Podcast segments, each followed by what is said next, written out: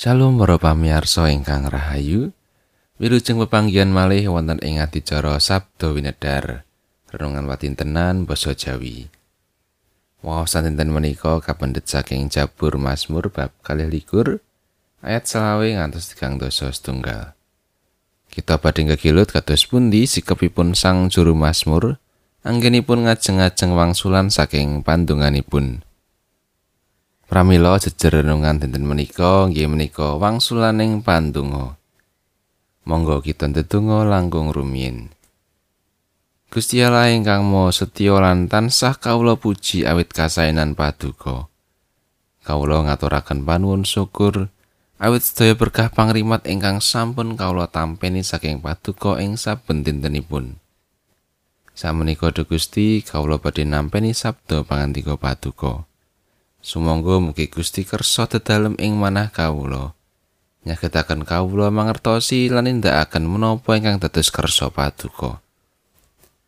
Duh Gusti tasih kathah dosa kalepatan kawula ing ngarsa paduka. Mugi Gusti kersa paring pangaksami. Matur nuwun Gusti. Sedaya pandonga lan panyuwunan kawula menika kawula njukaken linambaran asma dalem Gusti Yesus Kristus. Amin.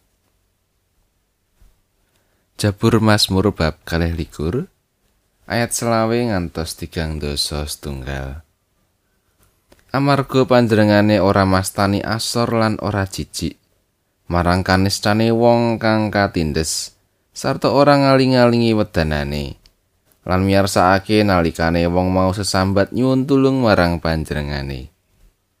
Margi saking paduka kawula memuji-muji wonten ing pasamuan ingkang ageng Nadar kawula badhe kawula luari wonten ing ngajengipun para tiyang ingkang sami ngabekti dumateng paduka. Wong andhap asor bakal padha mangan nganti warek. Wong kang upaya Sang Yewah bakal ngalembono panjenengane. Atimu cik ben urip ing salawase. Poncot-poncot ing bumi bakal eling marang iku lan banjur meratobat marang Sang Yewah.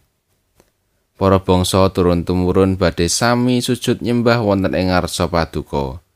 Amarga sang yewah kang kagungan kraton panjenengane kang ngereh bangsa-bangsa. Wong gumedhe ing bumi bakal padha sujud nyembah kabeh marang panjenengane. Para wong kang tumurun ing lebu lan ora bisa nyambung uripe bakal padha cengkeng ana ing ngarsane. Para tedak turune padha ngabekti marang panjenengane sarta martakake bab Sang Yewah marang para turune. Makatan pangandikanipun Gusti. Ayat nat saking ayat pitu likur. Wong andap asor bakal padha mangan nganti warek. Wong kang upaya Sang Yewah bakal ngalembono panjenengane. Atimu cik ben urip ing salawase. Para sedherek ingkang kinasih, kathah pandonga ingkang mandek dumugi kuciwa. Lan malah kathah tiyang pitados ingkang ugi mandeg ndedonga awit kuciwaning manah. Pancen pametek gesang lan perkawis-perkawis ingkang boten saged karampungaken kanthi prayogi. Dadosaken kapitadosanipun dados nglokro, lungkrah lan semangat anggenipun pasrah dados kuciwa, malah saged ugi ngendem sengit. Puji syukur kunjuk Gusti. Juru Mazmur mboten mandek ngantos dumugi kuciwa. Piyambakipun nglajengaken pandonga panyuwunanipun kanthi kebak ing pangajeng-ajeng lan kapitadosan. Piyambakipun nyuwun supados Gusti Allah enggal-enggal paring pitulungan lan piyambakipun tansah memuji ngluhuraken Gusti Allah. Awit pitulunganipun Gusti ingkang badhe kaparingaken lan ngajak umatipun Gusti. Supados sesarengan tansah memuji ngluhuraken Gusti Allah. Menika wujuding kapitadosan bilih Gusti Allah mboten badhe nyupekaken prastianipun. Gusti Allah mboten badhe mastani asor dhateng kanestanipun umat ingkang katindes. Kosa wangsulipun Gusti Allah badhe miyarsakaken lan paring pitulungan. Mila piyambakipun badhe ngluwari nadaripun wonten ing ngajengipun para umat ingkang sami ngabekti dumateng Gusti. Piyambakipun pitados bilih Gusti Allah menika maha kuwaos. Saya titah badhe sujud cengkeng ing ngarsanipun. Sami kados dene Sang Juru Mazmur, tiang pitados ingkang katindes badhe pikantuk wangsulaning pandunganipun. Makatan ugi tiang pitados ing jaman sakmenika. Badhe dipun segeraken saking bentaripun panindes lan kasangsaraning gesang.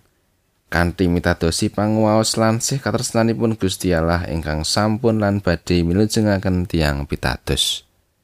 Amin. Gusti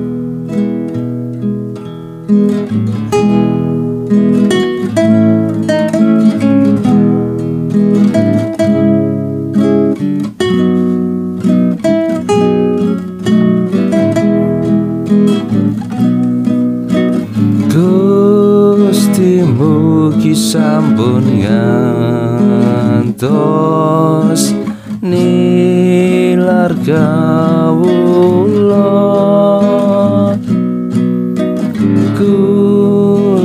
tansang raosaken pergapat duka. Gusti